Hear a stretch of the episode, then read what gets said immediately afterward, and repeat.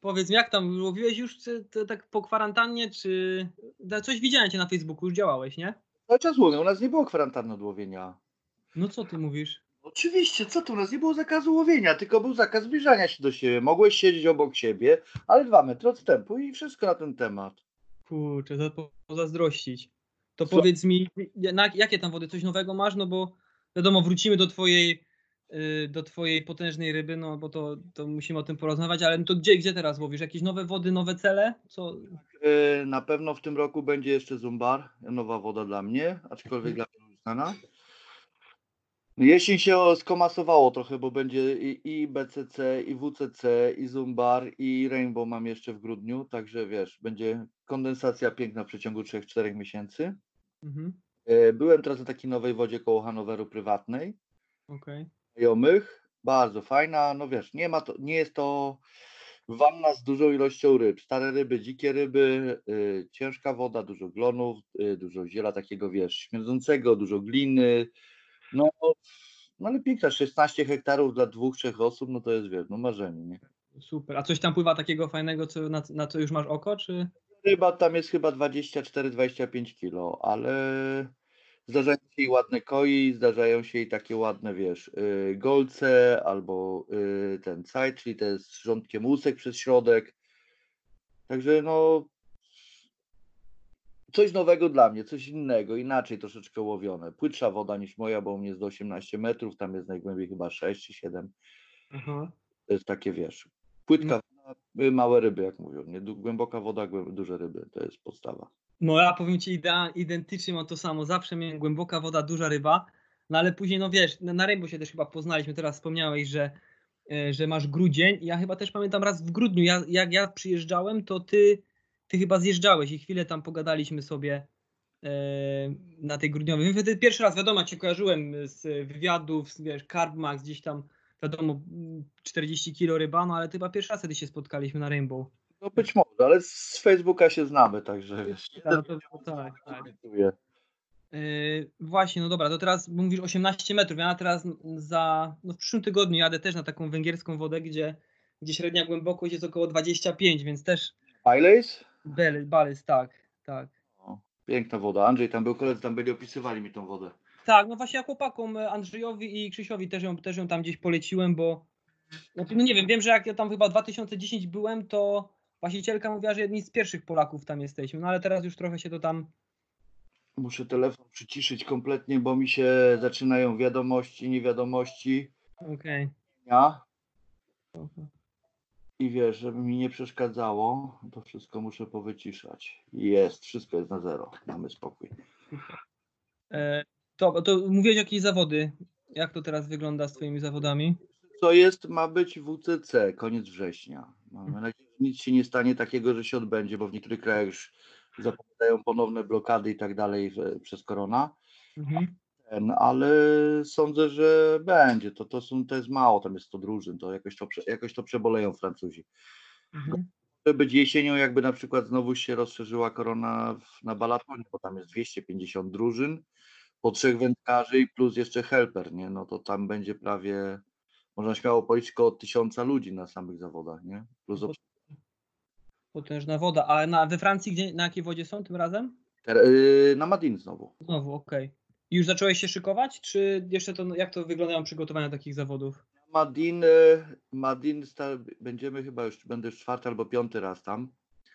Także ja, ktoś kto był u mnie w garażu, to sobie zdaje sprawę, że ja się nie muszę szykować, ja po prostu wchodzę do garażu i pakuję to, co potrzebuję. Super, jesteś. Wiesz, wiesz co, co, co, co, co tam trzeba. Ja po prostu pod każdą wodę wiem, co muszę zabrać i to mam ułożone już w głowie. Ja na przykład nie myślę, że ten, wiem, że mam pojemniki, które są na przykład dwa, trzy pudełka, które są typowo pod Rainbow, których nie wezmę na Madin, bo tego tam nie użyję, bojek pływających, podnoszących plecionki i tak dalej, no bo na Madin tego nikt nie użyje, bo to jest bez sensu przy tej wodzie tam. A są rzeczy, które biorę na Madin, a na znowuż na ten, na Rainbow bym tego nie zabrał. Obciążniki dodatkowe, wiesz, yy, dodatkowe jakieś yy, bekledy duże, żeby przeciągnąć żyłkę w lewo, w prawo, żeby można było łatwiej wypływać. No to są takie drobiazgi, które decydują czasami o komforcie łowienia. Tak, nie, to a ci o, o te wszystkie twoje pudełka i na Madinę Rainbow mi zaraz opowiesz na tyle, ile możesz, bo to ja właśnie o takich szczegółach, szczegółach najbardziej bym chciał mówić, no bo to myślę, to z tego też się ludzie uczą. Ja też słuchając innych, jak byłem młodszy, wiesz, Anglików głównie, no bo też gdzieś tam mieszkałem i, i od nich się tego uczyłem, to zawsze jak najwięcej takich szczegółów chciałem wyciągnąć, bo no to Tak. powiedz wiesz o sukcesach. Ja to wiadomo sobie czytałem, nie wszyscy muszą wiedzieć. E, Brałeś udział już no, na, na wielu tych e, WCC i jakie powiedz mi wyniki? No do tej pory mam dwa razy sektor i raz y, trzecie miejsce. Super. I, powie, I to było, jest to rzeczywiście, ja tylko brałem udział w jednych zawodach, także to jestem totalny, wiesz, laik, nieznający się. Rzeczywiście losowanie to jest, nie wiem, 80%, więcej nawet byś powiedział? Powiem Ci szczerze tak, losowanie to jest, y, patrząc po zawodach zeszłego roku i sprzed kilku lat, y, losowanie to jest jakieś 60-70% y, wygranej, bo można wszystko spitulić na amen, że nic z tego nie zrobisz, a można zrobić, y, wiesz, ze słabego miejsca może Ci się udać nawet wygrać zawody. No niewiele brakowało, powiedzmy sobie szczerze, Wysockiemu i tej drużynie, mając tego Big Fisha, jedną rybę doławiają około kilkunastu kilogramów i wylądowaliby na pierwszym miejscu, nie? Tak. Nasze ryby prawdopodobnie, my byśmy byli prawdopodobnie też na drugim miejscu, tylko ja nie składałem żadnego protestu z tego względu, że sędziowie późno przyszli. Że mieli pierwszą rybę pod wieczór, zważyli. Te y, 17 i te 25 z hakiem były, były złowione w środku nocy. Oni przyszli dopiero w pół do 10 rano te ryby ważyć. Rozumiem. No to za, no tak, jest różnica. Może zrzucić siebie przez te parę godzin w worku, nie? Mhm. To jest czasami nawet pół kilo może z, za przeproszeniem wydalić. A powiedz mi, że ty też, to też tylko ja zas, zasłyszałem gdzieś, że niektóre ekipy losują stanowisko i wiedząc, że to jest powiedzmy sektor, który nie dawał ryby od kilku wcześniejszych wyjazdów, pakują się, jadą do domu, nawet nie łowiąc? Zdarza, zdarza się tak, zdarza się tak. Są drużyny, które tak postępują, ale powiem Ci szczerze tak, Trochę jak Tak, jest- się. wiadomo, są dwa, trzy, cztery miejsca, które, które zawsze dawały duże ryby, nie? Nagle, y, jak, ale wszystko się może zmienić. To jest tak, że Madin y, ma, leży w takim specjalnym miejscu, gdzie odrobina wiatru, jakaś nagłe załamanie pogody odwraca totalnie całość, całość zawodów. Ci, co łowili po zatokach, nagle przestają łowić, łowią ludzie na otwartej wodzie, na głębokich miejscach. Mhm. I tutaj ważna też jest reakcja, że oni nagle na przykład zasypują więcej towaru, jak widzą, że ryba zaczyna schodzić na głębszą wodę, bo tam nie ma ziela na głębokiej wodzie, na 6, 7, 8 metrach. Tą rybę musi jakoś do siebie zwabić. Jak on sypie tam 5 kulek, no to ta ryba przejdzie, jedną, jedną złowią i reszta pójdzie. Nie? Jak rozsypie ładnie 20, 30, 50 kilo, no to ta, tą rybę przytrzyma tam przez te parę godzin, przynajmniej jak ona będzie zbierała. Ma więcej szans na dwie, trzy ryby, a trzy ryby się liczą, trzy największe ryby, powiedzmy sobie szczerze. Tak jest. To powiedz mi teraz tak, yy, powiedzmy czysto przynętowo, jak, jak się szykujesz na, no po, pojedźmy konkretnie Madin, głównie tam były te zawody teraz też, bierzesz kulki, orzechy, no wie, tak mówiłeś, wiesz co, jak, jak to wygląda tak trochę?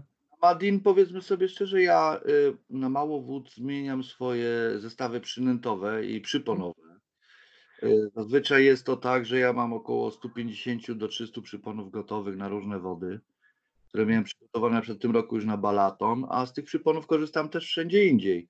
Czy łowię tu w Niemczech, czy łowię y, na innych wodach, na przykład we Francji, czy, czy jadę do Holandii, czy gdziekolwiek indziej. Ja używam tych samych przyponów na 99%. No, jedyna modyfikacja to jest czasami skrócenie go o 5 cm. Czyli Okej. z 5 zrobię 35 albo z 35 30, ale ogólnie rzecz biorąc ja nie używam przyponów poniżej 25-30 cm. Okej, no to dobra, tak już jesteśmy, to czyli raczej no, 30 no, dla jednych długich, dla, dla drugich nie. Ostatnio mierzyłem moje, to mam chyba nawet około 50, więc No to ja też, ja mam rur, ja nie używam Mhm. piórników, bo w tej chwili stwierdziłem, że piórników to musiałbym nosić całą, całą wielką torbę tych piórników. Używam rur zwykłych, tych y, y, piankowych, których używają hydraulicy do oklejania rur, ocieplania tych z wodą, bo tam wchodzi mi między 50 a 90 przyponów na taką rurkę i ona waży parę gram. Powiedzmy sobie szczerze, przypony są cięższe od tej rurki. tak, tak, no i też długościowo, no bo chyba na rynku na przykład nie znalazłem piórnika, który by na długość pomieścił moje. Ładnie i sztywniaki, i sztywniaki na tym pięknie leżą, bo one się prostują cały czas. No to jest, powiedzmy sobie szczerze tak, że jeszcze ktoś nie wymyślił takiego piórnika karpiowego, gdzie można takie rurki wkładać, to jeszcze jestem zdziwiony. Tak. To jest Czyli coś innego. Sztywniaki, nie, no teraz trochę, trochę dokładniej. Nikt jeszcze nie wymyślił piórnika, bo były te piórniki, na przykład były takie dawniej e, pudełka, gdzie była rurka w środku i tam były takie zaczepy i zawijałeś to na takim bardzo małym tym. To nie chodzi o to, żeby zawijać, bo się robią skręty, tylko chodzi o to, żeby ten przypon był wyprostowany cały czas. Mhm.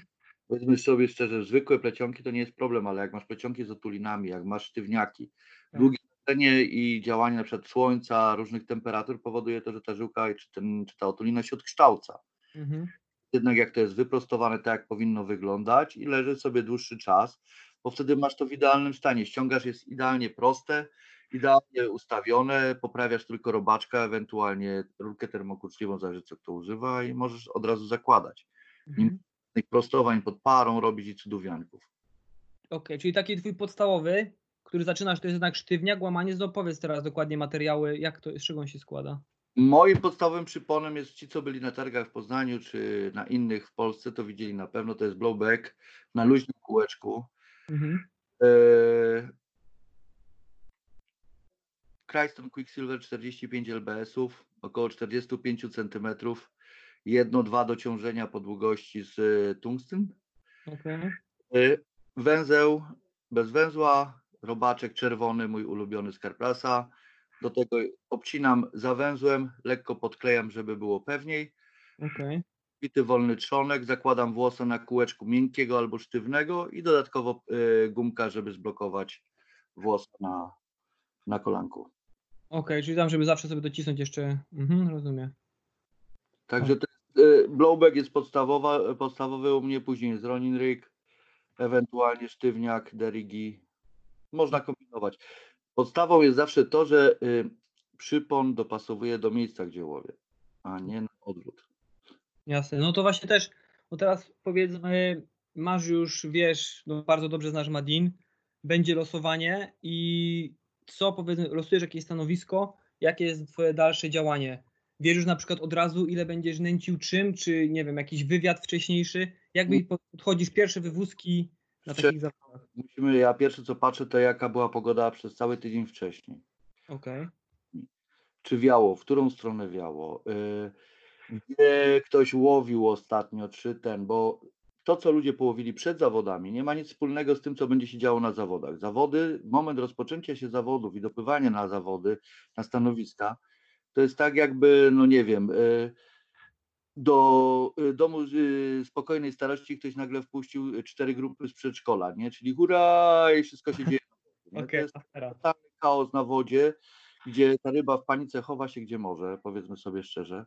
I te pierwsze dwie, trzy noce to są e, dla tych, którzy mało pływają, dobrze trafiają i e, trafiają z ilością zanęty. Są miejsca, gdzie faktycznie trzeba więcej sypnąć. Zazwyczaj jest to otwarte, otwarte powierzchnie albo pojedyncze ziela dookoła, których na przykład jest e, otwarta powierzchnia, jest trochę ziela obok, no to tam wtedy można sypnąć trochę więcej. Ale jak są pojedyncze dziury w glonach, no to trudno, żeby tam nawalić od razu y, 20-30 kilo, no bo powiedzmy sobie szczerze tak, szybciej trafisz rybę na paru kulkach y, tej pierwszej nocy, które leżą tam w jakiejś dziurce albo w kanale przepływowym, które chodzą między glonami, niż na tonie jedzenia i położyć ją na wierzchu. Mhm. Tak, że będzie jedna, dwie ryby, zjedzą parę, zje parę kulek i odejdzie i w twoją nie trafi, nie?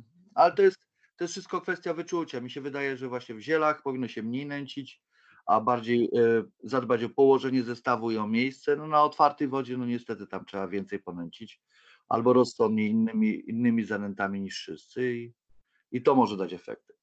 A powiedz mi, wiadomo, liczą się trzy największe ryby. No, nie mamy, nie mamy do końca wpływu na to, jaka ryba nam duża gdzieś zasie ten przypon, ale od razu się nastawiasz na, na te grubsze, czy po prostu chcesz, żeby ryba wjechała, ła- łowić, łowić i a może któraś z tych to będzie koń?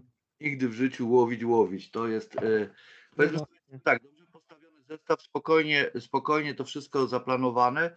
Zazwyczaj opituję dużymi rybami, bo y, można wybrać miejsce, gdzie wiadomo, że będzie dużo ryb, a będ- będą mniejsze, a można wybrać miejsce trudniejsze, gdzie prędzej liczymy na większą rybę. No i właśnie takich miejsc się szuka. Mhm. Okej. Dobra, to powiedzmy, że mam. A i mówiłeś kolejne zawody to będzie balaton. Tam już, tam już e, kije miałeś zarzucone, czy nie? Już my byliśmy dwa razy, dwa razy by, no nie byliśmy bez ryby, powiedzmy sobie szczerze tak, ale dwa razy dostałem tak konkretnie z kolegami po D, że pokora piękny po- na tej wodzie była. To nasze plany, nasze pomysły były przeróżne. e, od, e, od drobinki do dużego, ale woda i dno to normalnie nas masakrowały. Było już, myśleliśmy, że będzie ryba i tak dalej. Zaczynamy sypać, a tutaj nic. W innym, Prywatne zasiadki, tak? nie, nie, też było na zawodach na IBCC. Okej. No to opowiedz też, nie wiem, właśnie pokrótce, no te, choćby tą pierwszą zasiadką, no bo ogrom wody, no to Pierwsza zasiadka moja to byłem w szoku, bo na, na balatonie pierwsze zawody jakich byłem, wylosowaliśmy miejsce wtedy jeszcze z Karolem i z Grzesiem. Super ładnie, mamy trawkę, przed, y, na samym brzegu jest kostka y, brukowa. I Przyjeżdżamy na miejsce, no i osoby, które tam y, miały restauracje w pobliżu i tak dalej, mówią wam, na trawie wam się nie wolno rozbijać, musicie się rozbić na tej kostce brukowej, bo u nas trawa jest ważniejsza od asfaltu i od kostki, bo to jest ważniejsze tam, my o to dbamy. I tu są zraszacze i one będą w tym tygodniu y, próbowane i nie wolno się wam się rozbić, bo moglibyście je przebić, nie? Hm. No to musieliśmy się rozbić na kostce. Nie jest to zbyt przyjemne przy upałach i tak dalej, jakie były już na wiosnę. Wypływamy na wodę, pierwszy dzień, no super, dwie- 150-200 metrów, jeszcze ładne twarde dno do 2 metrów, y, jakieś tam bojki pozatapiane, jakieś muszle, wypływamy na 350, bo tyle nam było wolno i jest 1,80 m mułu. mm, okej. Także i my byliśmy jeszcze w takiej zatoce, gdzie mieliśmy jakieś 100 metrów bliżej niż drużyna po lewej od nas tacy y, Węgrzy, którzy byli na Cyplu, można powiedzieć za wesołym miasteczkiem, które mieliśmy po lewej. Różnie na tym balatonie. To jest wszystko miejsce, to jest wszystko kwestia losowania. Za Mhm. pierwszym razem trafiliśmy, y, można sobie powiedzieć tak, plac budowy. Po pierwszej, po pierwszej dobie za nami zaczęli y, rozkuwać dwie restauracje, znaczy kuli kafelki, kuli tynki, robili elektrykę. Za, na drugi dzień przyjechała ekipa budowlańców. Na samym brzegu, przy naszych wędkach, zaczęli rozkuwać nabrzeże. Montowali zawiasy szerokości półtora metra z nierdzewki. Dwa razy. Później to zalewali betonem. Na trzeci dzień przywieźli jakieś plastikowe elementy. Zaczęli to na wodzie skręcać e, wkrętarkami z udarem. Mało karpowy klimat. I zaczęli nam już jeszcze na to kłaść drzewo i też skręcać z udarem, także mieliśmy ze wesoło na, na tych zawodach. W nocy praktycznie tam było dwa, trzy brania, jakieś ryby połowiliśmy, ale to, to było no, porażka jeśli chodzi. Widziałem film z zeszłego roku, drużyna miała bardzo jedna podobnie, węgierska chyba, bo centrali zaczęli im układać dookoła namiotów, oni nie byli akurat rozbici na trawie, a im dookoła zaczęli y, układać kostkę brukową i ubijać taką zagęszczarką około 250 kg. No to sobie wyobraźcie, jakie drgania idą po wodzie. No, nie, to na pewno, to też to ja pod względem właśnie takich drgań i ciszy na, brzeg, na brzegu jestem bardzo wyczulony, no bo wystarczy zobaczyć jak, nie wiem, trzaśniesz drzwiami, czy gdzieś tam głośniej tupniesz, czy nawet zahaczysz o korzeń, który gdzieś wystaje z ziemi, no to automatycznie wszystko się płoszy, drobne rybki przy brzegu skaczą, no to wszystko czuć. kwestią tego, czy ryba jest przyzwyczajona do hałasu na brzegu, czy nie. Ja na przykład u nas w tym jeziorze, gdzie tu łowię w Niemczech, to y, chciałem łowić na takim przepływie, bardzo wąskie miejsce, jakieś 20 metrów od brzegu, zejście na 8 i wyjście na 2 po drugiej stronie pod krzakami. I tam pod tymi krzakami znalazłem ba- bardzo ładne miejsce między zielem a drzewem, tylko w poprzek miałem taką grubą, suchą gałąź pod wodą, która gdzieś tam padła może miesiąc wcześniej czy coś. No i niewiele myśląc, y, zanurkowałem tam, patrzę się, stoją dwa małe karpie, takie 8-12 kilo, koło tych gałęzi. Przesunęły, jak zobaczyły, że ja tam zanurkowałem koło tej gałęzi. Myślę tak, no co, jak chcę tu łowić dwie, dwie nocki, to muszę sobie zrobić porządek, żeby było. No i złapałem to pod kolano, złamałem tą gałąź. Ona tak trzasła, że pod wodą jest zupełnie inny huk niż na wierzchu. Tak. Ja myślałem, że te karpie to wyskoczą stamtąd, ale one się nawet nie ruszyły. One nawet nie zareagowały na to Okej. w ciężkim szoku, bo wydawało mi się, że huk pod wodą to będzie je, że będzie je ten, że, że je wypłoszy, a to było zupełnie inaczej. Zupełnie inaczej też zachowałeś się, jak ktoś na przykład placzą nad wodą, nad wodą, jak ktoś od góry czymś placzą, no to one na to reagowały, ale na huk, który był spod wody, one już tak nie reagowały e, taką obawą wielką. Tak, bo to w ich, te, w ich środowisku teoretycznie naturalnym, więc wszystko co tam się dzieje, traktują po prostu może bardziej no, naturalnie i się zdarzać, bo to są, u nas są bardzo dosyć strome brzegi, że zdarza się, że kamień się obsunie, że zjedzie, że jeden o drugi puknie, bo to odfali, bo one się ruszają. To są takie głazy, które zabezpieczają brzegi przed osuwaniem się ziemi. Nie? mhm. Mogą być do tego przyzwyczajone. No i przyzwyczajone są do tłumów ludzi nad wodą, które pływają, kąpią się, cudują i nie życzę żadnemu wędkarzowi takich, takich scenariuszy, jak my mamy nieraz nad wodą. Jasne, no szczególnie, no szczególnie tak jak mówisz, no bo to poniekąd też chcemy odpocząć, nawet jeżeli to są zawody i gdzieś tam jest jakaś presja, no to jednak chcesz tą naturą poobcować i się po prostu no, też gdzieś wyciszyć, nie? Powiem szczerze tak, y, na tym zbiorniku, gdzie jeżdżę, no to y, jeżdżę na zbiorniki, gdzie jest na przykład 1000 ryb i żadna nie ma na przykład tam 20 kg, bo nie cieszy mnie wyciągnięcie 20 ryb y, tej samej wielkości, wyglądających identycznie na przykład pełnołuski, bo takie sytuacje mieliśmy też u nas na zbiorniku, dlatego nie robię z takimi rybami zdjęć. Tak do 15-16 kg rzadko kiedy, jeszcze jak wszystkie wyglądają identycznie. Tak. No bo to mija się mi z celem. Z jednego weekendu miałbym na przykład 20 zdjęć yy, pełnołuskich, które mają między 10 a 15 kg. Są wszystkie długie, chude i sportowe, nie? Mają tam między 65 a 90 centymetrów i żaden nie ma 15 kg dobrze. Tak. To jest bez sensu dla mnie, to jest zab- zabijanie sobie nawet telefonu zdjęciami. Dlatego ta woda jest specyficzna, bo mm, tam możesz się wyciszyć nocą, odpocząć, ale też nie zawsze, bo masz tłumy spacerowiczów, grillowiczów, małolatów, którzy jeżdżą na rowerach. No, latem cudawianki, zimą. Owszem, to łowimy nieraz i w styczniu, i w lutym, nieraz cały rok. To wtedy tak, to wtedy jest spokój nad wodą, ale latem to jest, no to już się jedzie na ryby, czasami z dziećmi, czasami ze znajomymi, żeby pogrillować, odpocząć i mieć wędki we wodzie. To teraz, jeżeli wiesz o tej twojej właśnie nowej, nowej wodzie w Niemczech, mówimy to, polujesz, już masz oko na tym konkretnym, na tym największym, że gdzieś tam prędzej czy później chciałbyś na niego trafić, czy... Powiem Ci tak, ja w tej chwili y, zostaję przy tej w mojej starej wodzie, bo Mhm. ciężko mi jest znaleźć wodę, która ma taki potencjał i tak rosnące ryby w niej. A tu mówisz, ci przerwę, tu mówisz o tej wodzie jest ciągle, gdzie tego dużego złapałeś? Tak, to jest cały czas ta sama woda, tylko to jest, y, ludzie nie wyobrażają sobie czegoś takiego, to jest 90 hektarów, Mhm. wody, średnia głębokość jest 10 metrów do 12 Super. i jest 7 jeziorek i tor kajakowy do tego przyłączonych. To jest taki kompleks w środku, można powiedzieć, jednej dzielnicy miasta, gdzie wszyscy przyjeżdżają się kąpać, grillować, pływać na e, kajakach, na pontonach, na czym mogą. To jest taki miejsce do Mogą wypoczynku. przemieszczać, tak? Proszę? Ryby się mogą przemieszczać między tymi... Tak, to jest wszystko otwarte, połączone. Tam są wyspy, przepływy i tak dalej. W linii brzegowej jest praktycznie trzy razy więcej albo cztery razy więcej niż w normalnym jeziorze. I No to tak naprawdę czasem może nawet nie wiesz, czy, czy te największe akurat pływają w tym zbiorniku, na którym ty siedzisz. One mogą być w którejś z tych odnóg, tak? Ja ci powiem tak, one mogą być któreś z tych odnóg, one mogą się pojawić w ciągu godziny, mogą przypłynąć za 5 dni, mogą się nie pokazać przez miesiąc w tym miejscu. Jest kwestia taka, że na przykład łowiąc na jednym końcu zbiornika, e, mój brat złapał białego koi, takiego około 4-5 kg, wypuścili go, a kolega, który był u nich w odwiedzinach, jechał na rowerze, rozmawiał z nim, jak go wypuszczali. Pojechał na rowerze 15 minut później i około 2 km dalej widział go z mostu, jak sobie płynie. Masakra. 15 minut on pokonał odległość 2 km, sobie spokojnie płynąc pod powierzchnią, nie?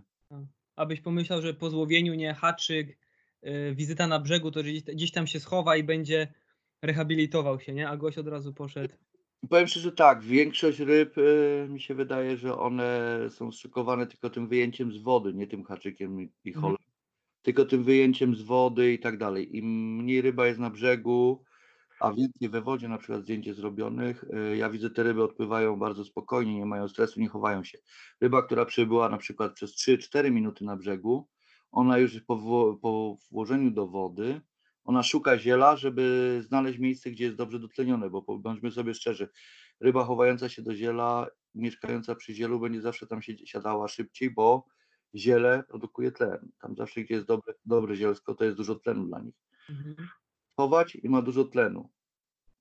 Dokładnie. A powiem, to żyje jeszcze? Trzymane nie mają takich problemów jak te, które dłużej ewentualnie są za, za bardzo męczone. Zresztą uważam, e, robienie 100 tysięcy zdjęć rybie, która jest duża i starsza, to jest bez sensu, bo można jej tylko krzywdę zrobić.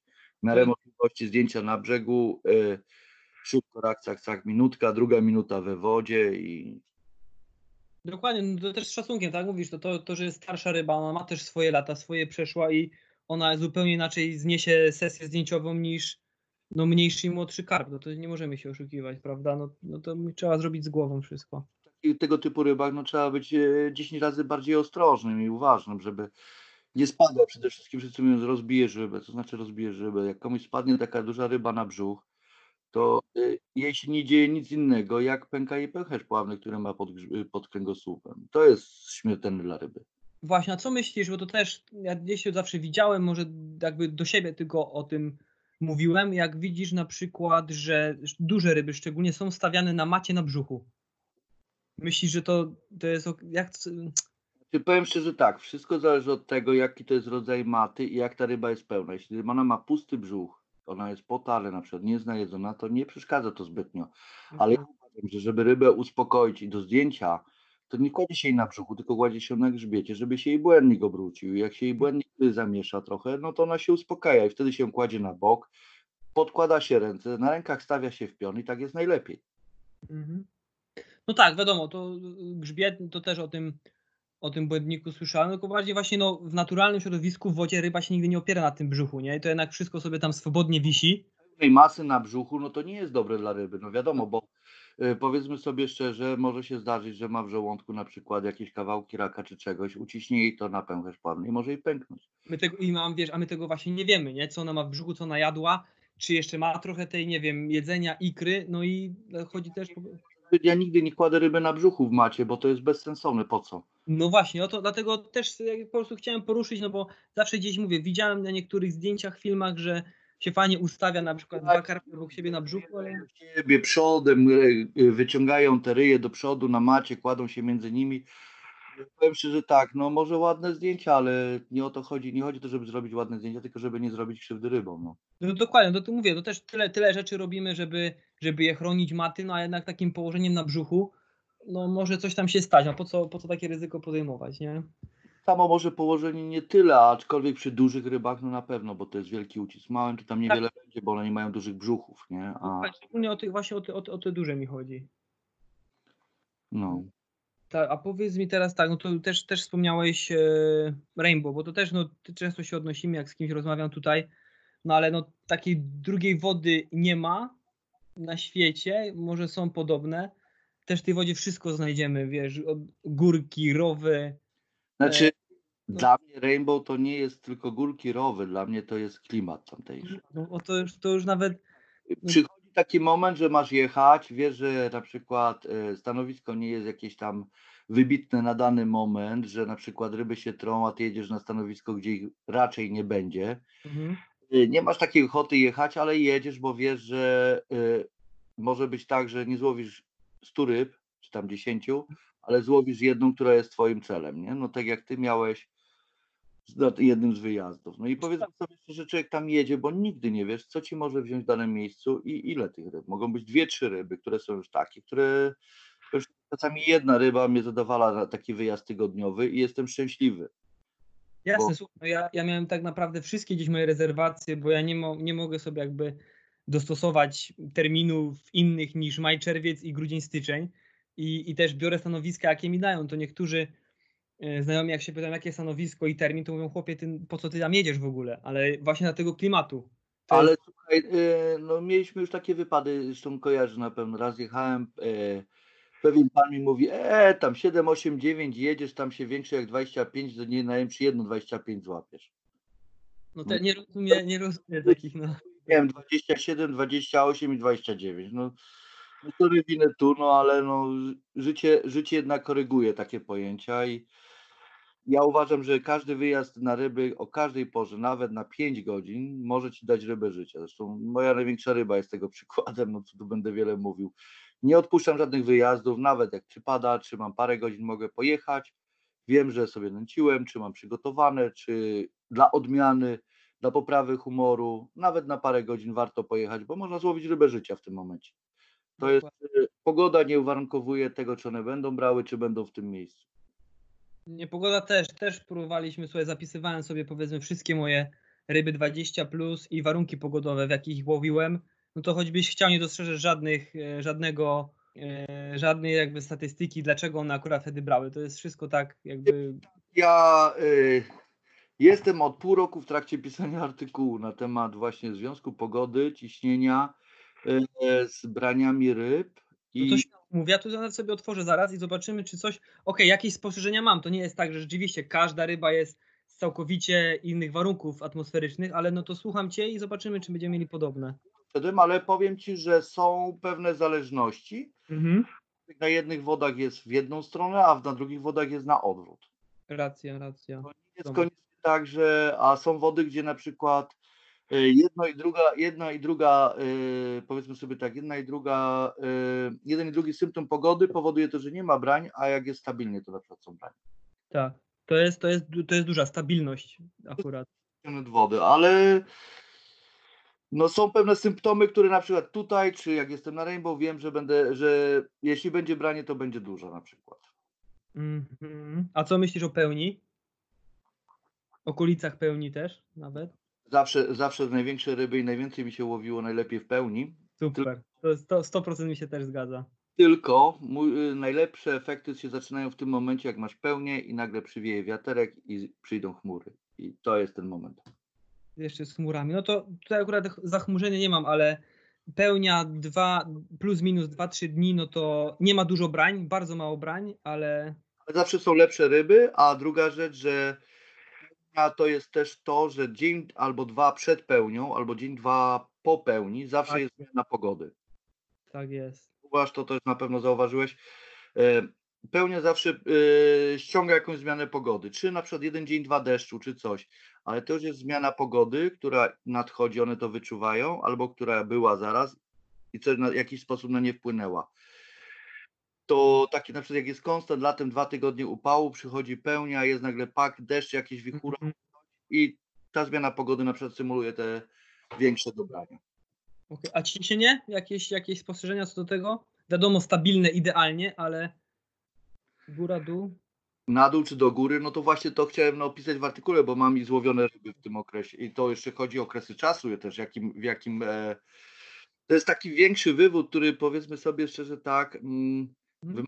z mojej strony trochę przemyśleń. Ja nie chciałbym tu za dużo zdradzić na ten No, temat. no, to rozumiem, oczywiście. Piszesz coś na ten temat dłuższego czasu, to jasne. Znaczy, to jest tak, że to jest cięższe, powiedzmy sobie szczerze tak, y, napisać można wszystko, ale napisać coś mądrze to jest, y, to już jest niestety wymaga trochę czasu, przemyśleń i nawet jak to jest gotowe, y, coś sprawdzasz, coś znajdziesz sobie ze starych zapisków, ze starych zdjęć i robisz korekty i nagle niektóre rzeczy zostają, powiedzmy sobie szczerze, obalone albo lekko natchwiane twoje, twoje, twoje przemyślenia. Dlatego wolę odczekać, poczekać z tym artykułem nawet i rok czasu, ale zrobić to tak, jak powinno być.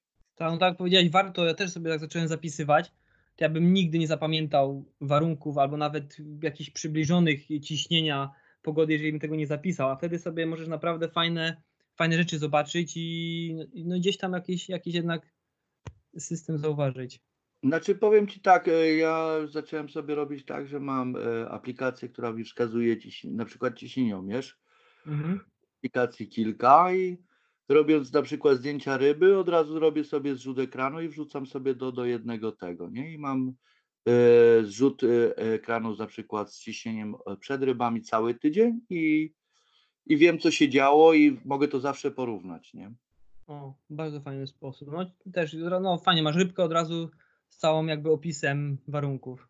Tak, no ja znam ludzi, którzy tutaj na przykład mają notes i on zapisuje wiatr, jaki był z której strony, jakie przynęty, no powiedzmy sobie szczerze tak, no powtarza się to, ale jemu na przykład powtórzy się to może za 3, za 5 lat, żeby te same warunki uzyskać do tej samej porze roku. Tak.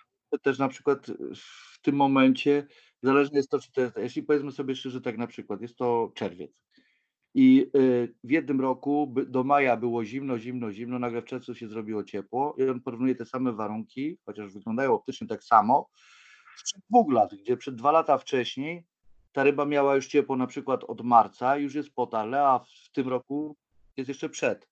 Także nie ma takiej możliwości porównania tego kompletnie y, rok do roku, bo trzeba byłoby porównywać kompletne warunki pogodowe. Mhm. A teraz do tej, do tej, wracając też do tej twojej e, niemieckiej głębokiej wody, tam mówię średnia 10 metrów, tak? Jak, da, da, jakie, jakie są maksymalna głębokość, jak to tam jeszcze wygląda? Takie doły 16, 18 metrów, 13, 14 zejścia są różne. To są też wypłycenia na 5, 6 metrów. Najpłytszych chyba miejscach jest 2 czy 3, 3, 3,5 przy normalnym stanie wody. A to masz te wypłycenia, te powiedzmy 3, od 3, od 2 do 5 metrów przy brzegach, czy one się gdzieś też na środku wody znajdują? Albo środkiem, no pod brzegami wiadomo, można znaleźć półki, nie? A Tak. e, czy łowisz pod swoim brzegiem, czy pod przeciwległym, jak masz taką możliwość. Mhm. Bo y, to są półki, znajdują na te wyspy, które są powiedzmy sobie szczerze tak, to są różnej głębokości. One zazwyczaj są do obrośnięte do 8 metrów 7, obrośnięte są zielem. I Okej.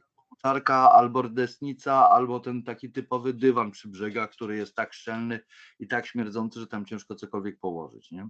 Mhm. Jakich, jakich powiedzmy szukasz miejsc? Bo myślę, takich du- dużo jest takich wód tego typu właśnie czyste, głębokie zieleń. Co tam robisz? Na podejściu do brzegu przeciwległego albo pod górką gdzieś 7, 8, 9 metrów latem. Wiosną wiadomo, szukasz płytkich miejsc, nie? Mhm. się wygrze, wygrzewać. No tak mamy przy kąpielisku, tam gdzie jest taki typowy, typowe kąpielisko bas, y, ogrodzone i tak dalej. No tam są wypłycenia, bo tam jest piaskiem wysypane i tam jest po to, żeby ludzie mieli się łatwiej kąpać. To one tam są wiosną. Ale tak od, powiedzmy sobie szczerze, jak woda już ma, uzyskuje 15-16 stopni, to one już praktycznie się rozchodzą wszędzie, chodzą i po 7, po 8 metrach. Tak, tak, tak. Tam też są brania. No, Czasami są i w 4 metrach w grudniu albo i w styczniu, także to nigdy tak nie jest do końca. Jasne. A powiedz najgłębsze miejsce, jakiego złowiłeś? Karpia? Yy, 11,5. Okej. Okej. No to też ja, ja próbuję, no nam na razie, nie, nie mnie akurat, ale e, koledzy, z którym jeżdżę, na, na właśnie na tej węgierskiej wodzie z 18 metrów. E, Wireless jest do 40, a Tak. ja mam 18 najgłębszą, nie? No to powiedzmy sobie szczerze, złowiłem z 3 czwarte głębokości. I tak, no to też by się podobnie zgadzało, bo no, cieka- no też słyszałem historię o Cassien, tam też z potężnych głębokości się, a to też zasłyszane, więc ale no potężne były. 17, z 25, z 26 metrów. Tak. Jak była górka na 26, a obok było 35, no to wiadomo było gdzie łowić. No To są, to ile sam nawet moment opuszczenia zestawu. Właśnie, powiedzmy na, na, na takich 11 metrach robisz coś innego przy opuszczeniu zestawów, żeby tam się nic nie splątało, bo to jednak trwa kilkanaście dobrych sekund opuszczenie zestawu. Powiem szczerze tak, pilnuję przede wszystkim tego, żeby, bo ja zawsze łowię na plecionki i na strzałówki z żyłki. Mhm. E, Też- Tak robię. Mhm. Minimum e, 15 metrów strzałówki mam z żyłki, jako zabezpieczenie przed muszlami, roślinami, drzewami i tak dalej.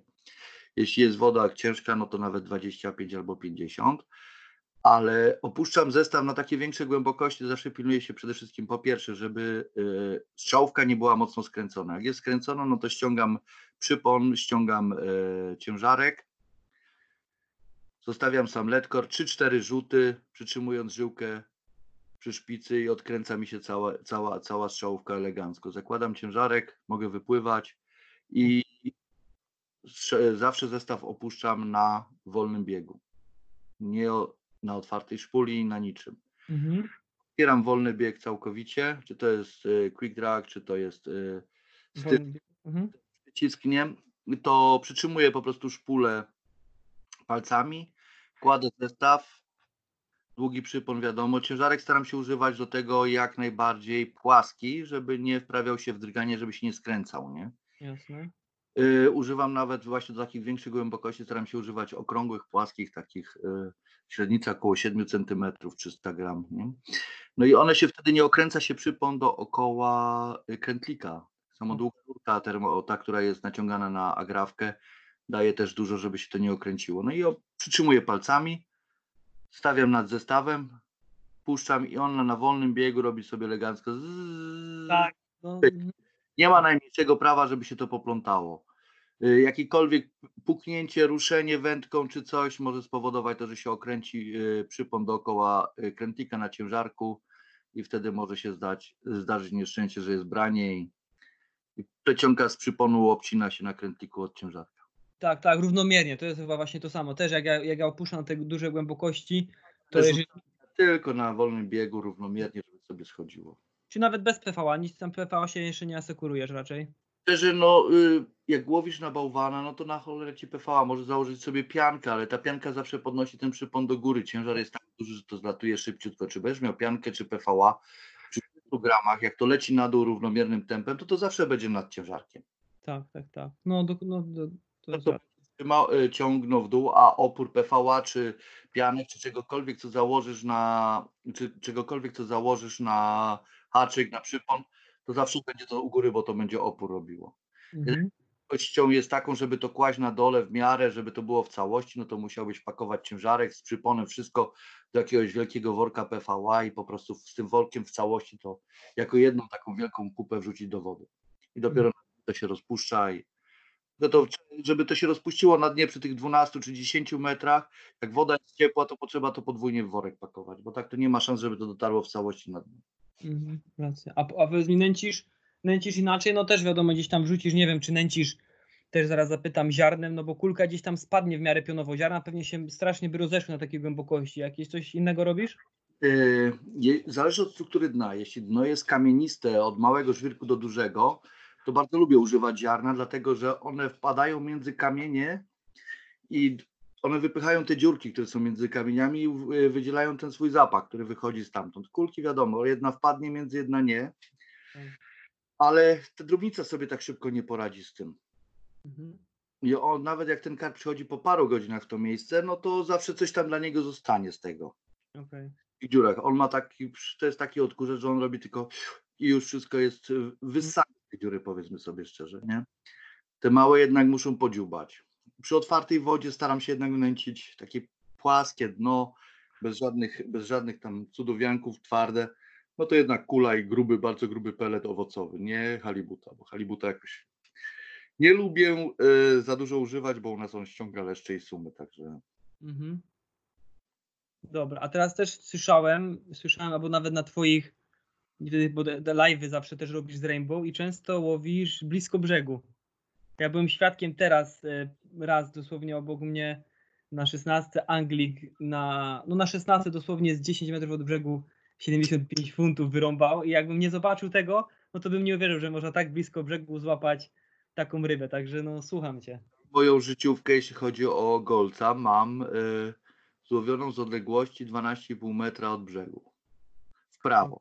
Wędka była 2 metry od brzegu, ale 10 metrów w prawo, nie? Mhm, to na piątce, tak? Tak, na piątce, pod tak zwanym Bartkiem. My z bratem tak- chcieliśmy takie wielkie drzewo, które tam jest pod wodą. Wygląda jak dom Bartek pod wodą. Jak popatrzysz na Echosądzie, no to jest masakra. No i w pobliżu tego drzewa się łowi. Wędka na sztywno, przypięta na śledziach, na gumach, tych takich, co się używa do zapinania rzeczy na koszykach czy coś. Mhm. Dwa śledzie, wędka do tego, zaczep specjalny do szybkiego zwalniania. Trzynastka i hamulec dokręcony na amen. No bo ta ryba w tamtym momencie, jak jest branie, no to ona jak chce się odwrócić do drzewa nie może, do brzeg, na brzeg wiadomo nie wyjdzie, może jedynie przypłynąć do nas albo wyjść na otwartą wodę. Jak wyjdzie na otwartą wodę, no to mam lekki pik hangera w dół albo do góry, minimalny, no i wiem, że już jak przytrzymam wędkę na 13, ona wychodzi w lewo, no to już wiem, że jest spokój, mogę wsiadać w łódkę, holować albo z brzegu. Ile miała wtedy? 36 plus. Super. Pięknie. No dobra, a powiedz mi skąd w takim razie, nie wiem, y, podobało Ci się to miejsce, nie, bo wszyscy łowią daleko, nikt nie łowi blisko, czy one myślały, że one chodzą przy brzegu, dlaczego? To miejsca, powiedzmy sobie szczerze, tak, wiele kultowych miejsc jest znanych. No Tylko tak. ludzie, którzy e, mówią tak, a tu wszyscy łowią i tu się gówno złowi, czasem coś nowego znaleźć. Ja wychodzę z założenia tak, e, duże ryby są tam, gdzie mają się, gdzie na rainbow oczywiście, gdzie mają się schować, gdzie mają spokój jak sobie pływają, gdzie nie zahaczają o żyłki, gdzie mało ludzi łowi, a wpada zawsze jakieś jedzenie darmowe, nie niebezpieczne. Mhm. w miejscu, gdzie zawsze są łódki myte, gdzie ludzie siedzą. e, powiedzmy sobie szczerze tak, kończą łowienie, zostaje parę kulek, zostaje trochę orzechów, no to sruto do wody, zaraz przy samym brzegu, tam gdzie siedzisz praktycznie, nie? I po co, czemu one tamtędy chodzą? No bo zbierają te darmówki, można powiedzieć. I też wędki co, szczytówki w powietrze, plecionka wchodzi do wody Tego nie 50 ma, czasami, nie? nie ma w ogóle żyłek praktycznie. Tak. Tak. To jest to. Okej. No powiem ci też, też takie coś, no bo to jak tak pomyślisz, a te ryby są cwane, no też trzeba sobie powiedzieć, one no, nie są wiadomo wybitnie inteligentne, no ale one to czują. One nie są może tyle cwane, co weźmy pod uwagę tak. Instynkt. 12 stanowisk, po, cz- po dwie osoby, po cztery wędki, no to przyjmij, no, nawet niech to będzie czy 12 razy 2 to już jest 24, razy 4, no to jest 100 ileś żyłek, Tak. które zasuwają wzdłuż jeziora, nieraz 300, nieraz 200, nieraz 100 metrów. No i ta ryba jak pływa, no to powiedzmy sobie tak, nie dość, że ma górki, doliny i tak dalej pod wodą, drzewa jeszcze od groma, to jeszcze żyłki do tego dochodzą. Ona ma zwykłe kojarze, skojarzenie, bo ona wie, że to się może przeciąć i ona to omija dlatego ona tak reaguje. Ona reaguje na to, na, jak, na coś naturalnego, co jest we wodzie, a jest dla niej niebezpieczne, a nie jako ten. Po prostu tego tam nauczyły. Tak, no też mi się to na wielu wodach takie przykłady, no ale też na przykład ja teraz siedzę na 14, 12 była wolna i 11 zajęta. Ja byłem dwa tygodnie. Pierwszy tydzień 12 wolna, no aż się pieniło na 12. Yy, Bo wiadomo, gdzieś tam 11 ją atakowała, ja trochę gdzieś tam też pływałem, ale na środku wody, tam gdzie nikt nie pływał, była aż piana. Nagle w drugi tydzień przyjeżdża ekipa na 12 i spławy się kończą. No i To jest właśnie to, co ja mówię, wypływanie na wodę, tak samo jak na zawodach. Wypłynięcie na wodę czasami powoduje to, wszystko się zmienia. one się wypłaszają. Kwestia jest tego też, co oni sypali, ile wsypali. Mm. Bo czasami jest tak, że wystarczy dać garstkę, a czasami trzeba nasypać i poczekać. No tak, no a co na przykład jak nie wiesz, y, ekipa przed tobą, obejdzie czy teraz, teraz Rainbow, czy Madin, Madin wiadomo, jeszcze większa woda, no nie wiesz czy tam ktoś sypał, słuchaj, 10 kilo kulek z ziarnem, czy na przykład 30, no i jak, i co ty wtedy robisz, nie wiem, kamerkę spuszczasz, czy wszystko na czuja? Na Rainbow mogę, e, jeśli mam swoje, bo wiadomo, na każdym miejscu ma się swoje miejsca wytypowane i tak dalej. I miałem już takie przypadki, że przyjechaliśmy nad wodę, nie wiedzieliśmy co było, wiedzieliśmy, że byli Włosi, pojechali w piątek, myśmy byli w sobotę rano na stanowisku, no i patrzymy przy brzegu wysypana kukurydza jest. Ja mówię, a no to nie wywalili wszystkiego na stanowiska, tylko przy brzegu kaczki zjedzą, nie? Mhm. My na dwunastce w lewo pod suche drzewo, puszczam kamerę, o jakie ładne miejsce, piaseczek żółty, ale tak za chwilę się drapie po głowie, gdzie na Rainbow piasek żółty jest, nie? Mhm. No to kamera jeszcze raz na sam dno, sru, łup, od dno podnoszę, a tam kukurydzy. Tyle, że było żółto na dnie. Dywan, tak, oni... E, No. Oni Mhm. dwie ryby w drugi dzień i nawalili chyba dwa albo dwa i pół wora kukurydzy we wszystkie miejsca, bo liczyli i kule no, liczyli na to, że ryby im weszły. Tak. No I to wszystko zostało. No to co zrobiliśmy? Szukaliśmy miejsc zupełnie innych niż tam, gdzie oni łowili. Nawet czasami wartało się przesunąć 2-3 metry w bok, postawić na 5 kulek i to wszystko, odrobina kłęcza, peletu do tego. I... No, złowiliśmy trzy ryby wtedy. Największą chyba mieliśmy wtedy 28,5, to był rekord wtedy mojego brata życiówka. Także no, nie było źle, ale no wiadomo jak się łowi na miejscu, gdzie ktoś nawalił tyle towaru, że nawet, yy, nawet leszcze i płocie nie są w stanie tego wyjeść. Jasne, nie, nie, to trzeba, trzeba się, no nawet tak mówisz, 2-3 metry wystarczą, bo gdzieś tam może zwabić ten, ten zapach tej kukurydzy, no ale jednak w to, w to ci ryba nie wejdzie, no bo za dużo tego jest. Mi się wydaje, że to nie jest wabienie zapachu, tylko to są ścieżki, którym one się poruszają. Trafienie w te ścieżki, w te miejsca, którędy one chodzą i podesłanie tam e, małych porcji może je prędzej skusić niż takie duże pole zanętowe, jak oni zrobili. No to mi się kolejna, szczególnie, szczególnie na Rainbow, bo słuchaj, tam wiadomo jest kilka rowów, ty możesz się skupić na jednym, a ryby sobie mogą iść drugim i nawet nie mają pojęcia, co się dzieje w rowie, gdzie jest twój zestaw, prawda? Dlatego zawsze staramy się optycznie wyobrazić, tak jak ja jestem na Rainbow, optycznie sobie wyobrazić, ile rowów jest, którędy one idą. W niektórych miejscach wiemy, że w tą stronę idą tą stroną rowu, a w tą stronę idą w tą. Tak. Tak jest między a piątką a szóstką, nie? I też parę razy tak mieliśmy, że jak myśmy mieli branie, to mieliśmy od zewnętrznej strony, bo były na przykład cztery kije w kanale do szóstki, między piątką a szóstką. Mhm. W tej stronie ten brzeg i przeciwległy i to samo było na szóstce. To wtedy chyba jeszcze nawet z Robertem Księżopolskim siedzieliśmy po obu stronach i tak dla ciekawości, mówię, postawiliśmy po dwa kije tu i tu. No i jak myśmy mieli branie od zewnętrznej, no to oni już nie mieli, Mhm. oni mieli od wewnętrznej, to to od nich szły ryby pierwsze, było, było branie u nich, u nas już później nic nie było, nie? No i tak było, że myśmy mieli tylko od zewnętrznej jako pierwsi, u nich już nic, czyli te ryby szły od prawej górą, a od lewej dołem. Okej. Tak by wynikało, no bo wy, pierwsze byłoby branie u nas, skoro wchodziły w to, nie? A druga strona na odwrót. No tak do tego doszliśmy, no i tak do tej pory łowię, że jak łowię na między piątką a szóstką, jak widzę, że oni mają po jednej no, stronie, no to staram się łowić po drugiej, ten, żeby nie kolidować, dwóch wędek nie pokrywać. I sam też staram się nie kłaść dwóch wędek w jednym rowie, bo to jest bez sensu. Tak, tak. No lepiej, lepiej to jak najbardziej też równomiernie roz, rozstrzelić wszystko. Wszystkie One-. I to nie znaczy, że one są w tym samym rowie, no nie? Mhm. Dobra, a powiedz mi teraz, tak, też trochę nas słucha ludzi, którzy, którzy łowią na Rainbow. Też takie twoja bazowa taktyka, gdzie nawet nawet od, od wszystkiego powiedz mi, czym, czym sypiesz, ile, czym jedziesz. Sypię. y, Od, y, odkąd jeżdżę na Rainbow, to łowię na Club Mixa, no to już dla Mhm. mnie tak kultowe jak e, nie wiem, jak może buty Salomona do chodzenia, bo są jedne dla mnie z najlepszych. Łowię tylko praktycznie tam na klaba. Pop-up Dairy Cream, no to wiadomo. Czasami założę orzecha, ewentualnie jakiegoś kłęcza pop-upa do orzeszka albo Dairy Creama też. Były dawniej fajne, Jacko były z, z Solara jeszcze. Coś mi się tam jeszcze ostało z tych Jacko. No i y, sławetne, stare, stare, stare Starbites y, Mice Crasze, pop-upy.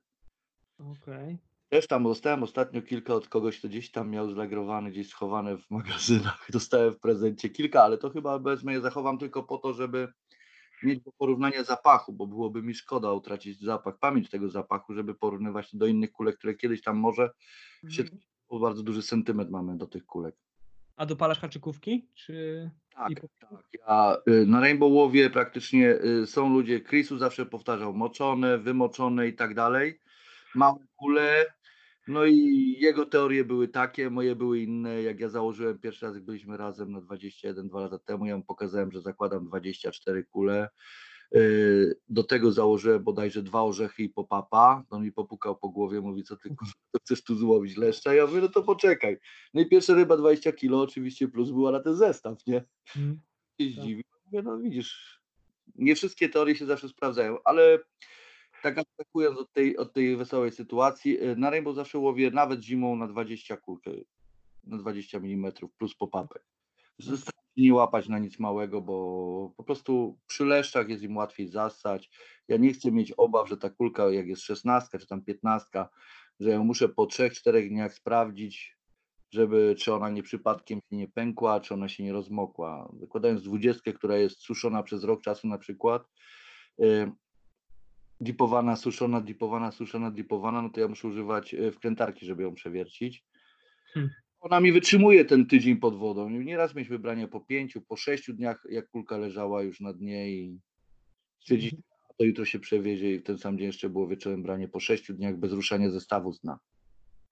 Okej. Jest troszeczkę lepiej, no bo Club Mix i wszystkie inne solarowskie wyszły w e, hardhook e, wersji, czyli która się sama utwardza pod wodą, im dłużej jest, tym kulka się robi twardsza. No to jest coś wspaniałego dla mnie, no bo ja nie jestem osobą, która lubi zbyt często zmieniać zestawy. Jeśli już y, wypływam na pontonie, wytypuję zestaw, jestem pewny tego, jak go położyłem. Nie ma w tym miejscu pików, objawów tego, że tam są jakieś leszcze, ryby mi przerzucają tymi zestawami, no to ja staram się tego zestawu nie ruszać. Ten zestaw im dłużej leży, tym jest bardziej naturalny dla ryby. Przysypuję, kulka odpowiednio pracuje, tak samo jak inne kulki, które leżą w tym dookoła. To powiedzmy, że masz tydzień, znajdziesz takie miejsce fajne, nawet na którym w przeszłości łowiłeś, stawiasz zestaw i ile jesteś w stanie go trzymać? Nawet cały wyjazd? Okej, może inne kije pracują, nie wiem, masz takie na przykład, że go zostawisz cały tydzień w wodzie? Nie tknę go nawet. Okej. miejsce na piątce jedno, na dla 17-18, no to tam wiadomo, tam ciężko, żeby te kije nie pracowały latem, ale na piątce czy na 21 mam takie miejsca, gdzie wiem, że jak postawię tam, tam ma leżeć koniec i ma czekać na branie. Mogę zrobić taki numer na przykład, że popłynę po czterech dniach, jak się, wszędzie coś się dzieje, tam się nic nie dzieje, podniosę tylko popatrzę, czy na haczyku nie ma na przykład nabitego patyczka albo czegoś. Mhm. Wszystko jest ok, od razu w to samo miejsce kładę ten zestaw i wracam z powrotem, nie dotykając niczego, nie donęcając, nie ruszając nic.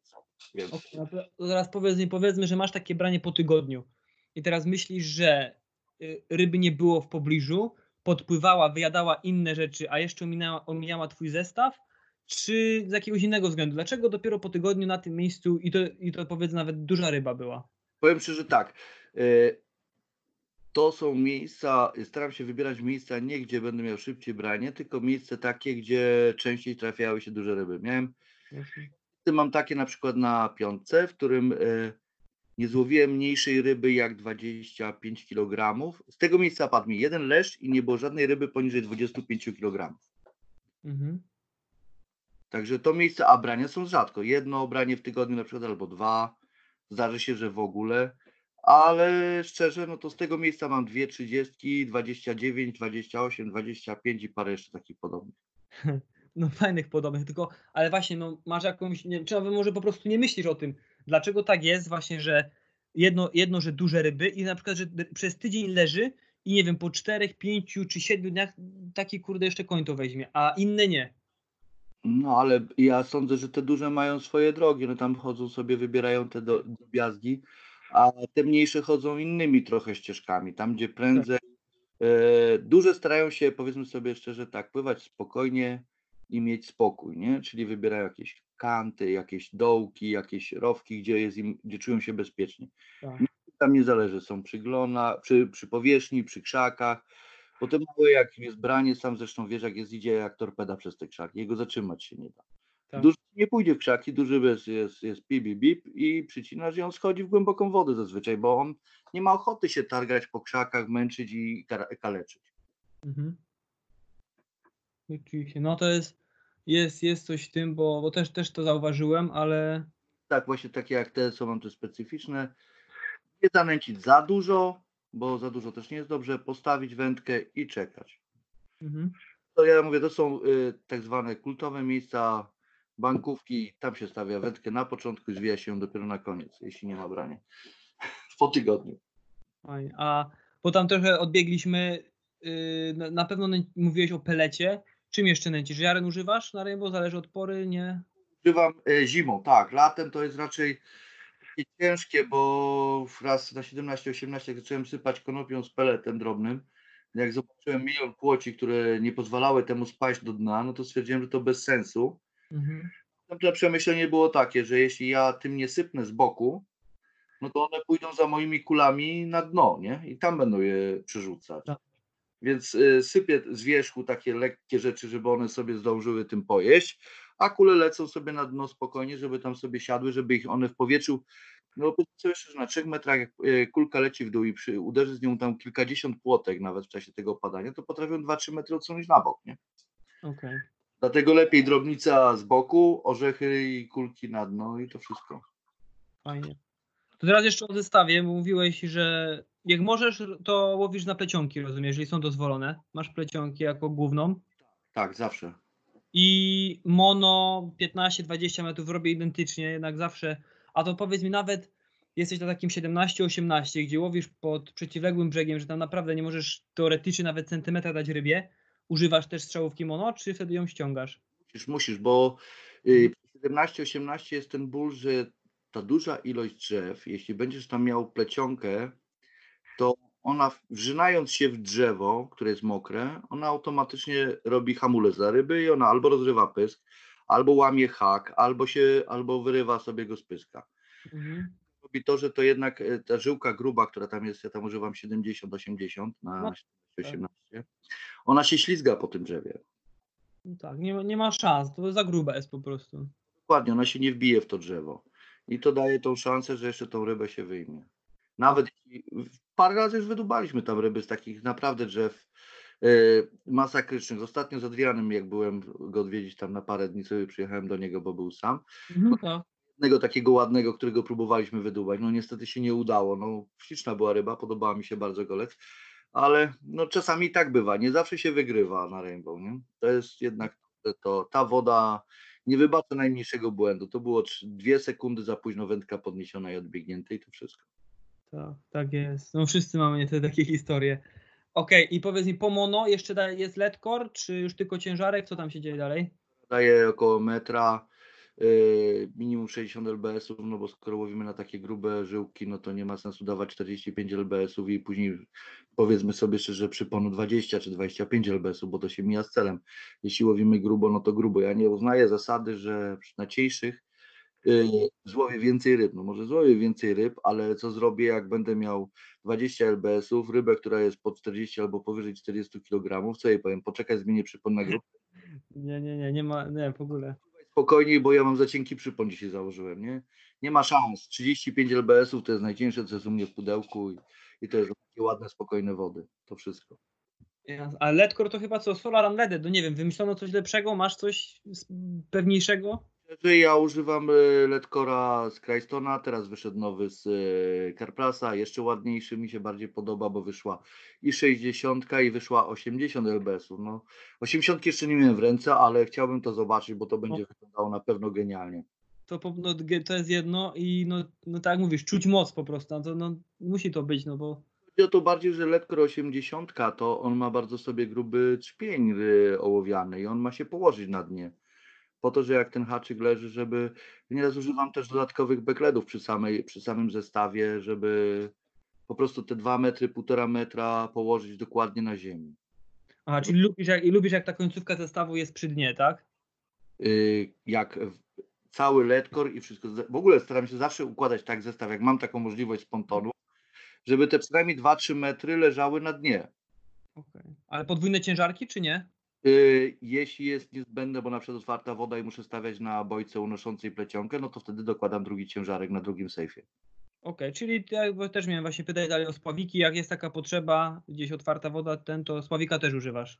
Tak, tak, ale staram się używać nie tych, które przechodzą przelotowo przez spławik, tylko z dodatkową gumką i z zaczepem, żeby fala amortyzowała uderzenia e, o bojkę, bo jeśli założysz to bez gumki, bez amortyzatora, to powiedzmy sobie szczerze tak, każde podrzucenie spławika przy naprężonym zestawie będzie podnosiło pierwszy ołów i będzie robiło pum, pum, pum na dole, nie?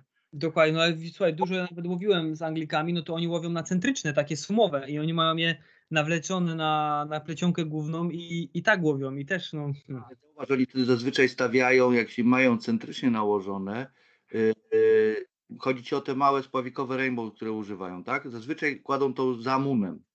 Czyli jeśli masz widełki i kładziesz to z zejścia widełek do wody, to po to, żebyś widział, gdzie, gdzie, gdzie żyłka wchodzi.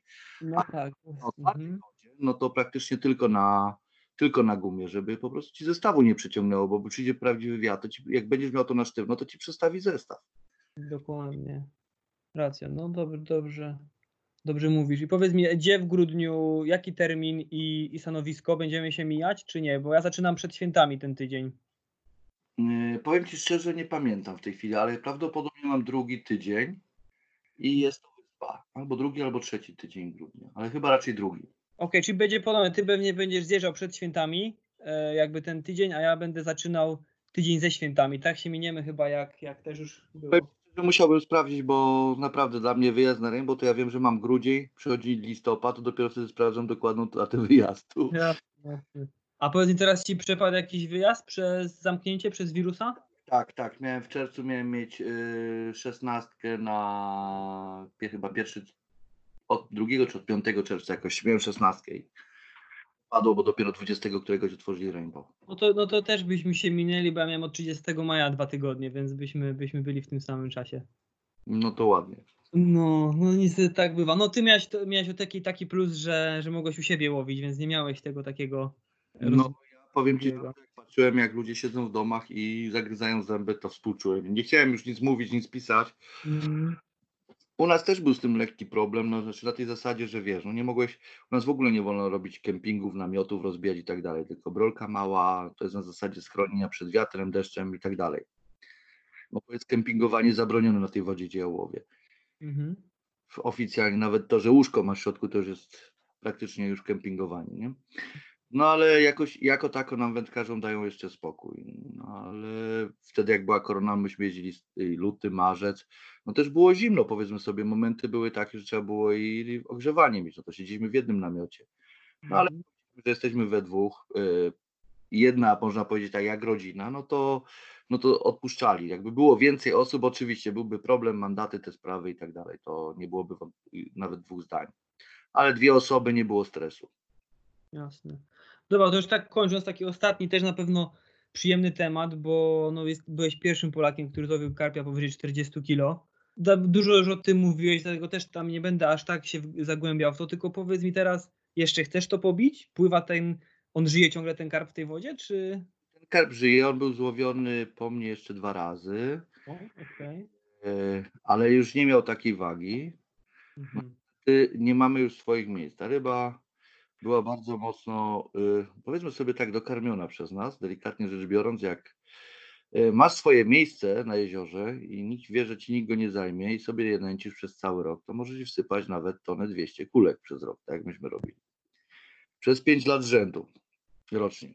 To sobie możesz przeliczyć, ile tego tam poszło. No i większość tych ryb było już naprawdę dobrze zbudowanych dzięki tym kulkom, bo nie było tak dużo jeszcze młodych ryb. Teraz od paru lat wstecz zaczęli wpuszczać takie ryby 5, 8 dla dziadków, takie 3 kilówki, 2 kilówki, żeby ci, którzy są tam ręciści, emeryci, jak chcą sobie złowić karpia i zabrać, żeby sobie mogli te małe zabrać, żeby nam nie zabijali tych dużych. No ale niestety konkurencja pokarmowa tych małych spowodowała to, że te duże zaczęły chudnąć. No i oczywiście to, że nie ma już stałych miejsc, bo komu się tam to nie podobało, jedni chcieli skakać tu i tam, no i spowodowało to, że ludzie mniej nęcą. Dawniej było tak, że było 5-6 osób, które potrafiły naprawdę wsypać i to nie, myśmy nigdy nie nęcili ziarnem czy jakimiś peletami Mhm. między tylko zawsze kulami, 20 kilo kulek na, na, na jedną osobę i co drugi dzień i tak, i tak się jeździło. No i ta ryba schudła nam niestety, ważyła po złowieniu i 36 i 8, później ważyła 32, ostatnio nawet 31,5, ale też było potarle, także przypuszczam, że ta ryba będzie ważyła teraz w granicach, przed tarłem może w granicach około 36-7, potarle w granicach około 32. Okej, no to jest rzeczywiście duży spadek, nie? No wiadomo, no potarle, ale Porównamy spadek Kendoda z Rainbow przed tarłem a po tarle, no to tam jest 38, a yy, przed, yy, prze, przed tarłem a po tarle jest 31. No to jest 7 kg różnicy. no rację, to jest... Szczerze Mhm. powiedziawszy, nawet y, wtedy jak ja mojego złowiłem, no to pierwsza waga jaka mi wychodziła, jaka mi wychodziła netto, to było 41,4. No ale zanim kolega przyjechał, żeby potwierdzić to jeszcze raz ten, no to ważyliśmy później jeszcze na dwóch wagach, na dwóch tych, dwóch różnych workach, żeby starować, no to było między 41,8 a 40,04. No to przyjąłem, czy ze- 40,05, no to przyjąłem tą najmniejszą wagę, no bo uważam, że to jest najuczciwsze. I tak było powyżej 40.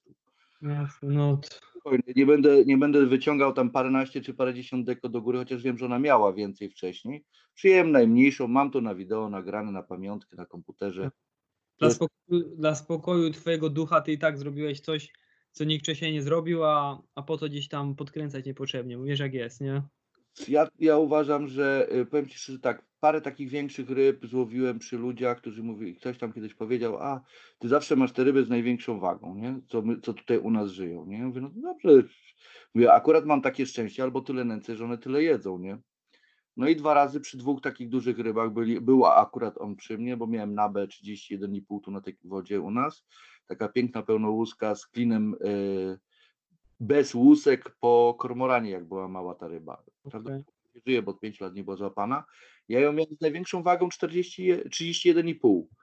No i on mówi, "Pf, jak to jest możliwe? Ja mówię, no to weź wagę, ręki zważ. Mówi, ty faktycznie. Ja mówię, a teraz weź dotknij brzucha, przyciśnij lekko i zobaczysz, co się będzie działo. No i on zaczął doci- dociskać lekko brzucha, a tam same kulki wodne, takie rozpuszczone zaczęły się wylewać. niej. Ja mówię, teraz już wiesz, dlaczego są takie ciężkie?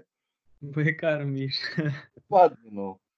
A Bez- ma, ma, tam jakiś, ma tam jakiś jeszcze, że tak powiem, kolegów, ten największy, którzy go gonią wagowo albo już przerastają nawet? Mamy, mamy tam jeszcze takich parę znanych ryb jak Tuton. y, on miał tak między 27, 28. Jest jeszcze jeden y, zwany Fufi, też koło 25, 28. No jest kilka takich ryb. No i cały czas dochodzą, jest kilkanaście takich y, golców między 22 a 25, 6. Y, ale to już są takie ryby, które raczej nie pociągną dużo więcej. Do 30 gdzieś tam może któraś dobić, ale mają tak piszące brzuchy, zresztą pewno widziałeś nieraz na Facebooku u mnie, to Tak. takie już y, wypchane, można powiedzieć, worki w dół, tam już waga nie pójdzie. Tak, tak, no już, Ale takich mhm. sportowych ryb, które mają naprawdę szansę się wybić, które mają ładne przyrosty. Nie, no to, ja to mimo wszystko pozazdrościć wody. Ostatnie pytanie, łowisz jeszcze w Polsce? Ty, tylko zawody? Jak to wygląda? Tak, nie mam za wiele czasu. Jeżdżę do Polski raz do roku na półtora tygodnia i zazwyczaj z rodziną. Mhm. Od żony dostaję ultimatum, że jak jedziemy na urlop, no to bez wędek, aczkolwiek chyba złamie tą regułę. Zapraszało mnie dwóch kolegów na południu Polski. Miałem jechać do, Tom, e, do domu Tomka Mułki na Edwards Lake.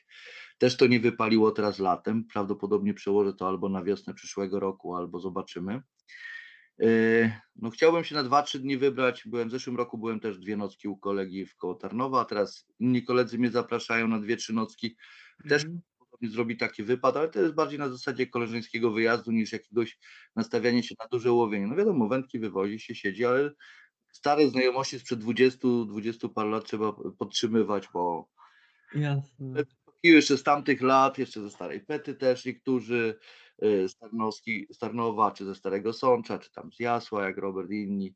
No, z tymi ludźmi muszę podtrzymywać kontakt, bo to są tacy ludzie do rany przyłóż, powiedzmy sobie. Tak, a wiadomo, lepiej siedzi z wędkami w wodzie niż bez. No dokładnie, to jest, y, to jest tak, to jest y, ten klimat. Y, Są ludzie, którzy uwielbiają jechać, wyłączyć się w ciszy i ten, też to lubię czasami zrobić, nawet nad tą moją, powiedzmy sobie szczerze tak, ruchliwą wodą, tak to określę, Mhm. zimą czy jesienią, jedna, dwie nocki samemu, odpocząć się, przemyśleć sobie niektóre rzeczy tak. A reszta wyjazdów to jest wyjazdy raczej przyjacielskie, po to się jedzie razem, jedzie się, żeby sobie porozmawiać, żeby zrobić sobie grilla, wypić drinka, ale przede wszystkim, żeby łowić te ryby. No i czasami wchodzą do tego przy takich łowieniach, przy takim korzystkim wypadzie, wchodzą ciekawe pomysły. Ostatnio parę rzeczy mi też weszło do głowy, jeśli chodzi o wywózkę zestawu przy pomocy łódki zdalnie sterowanej i tak dalej, parę ulepszeń.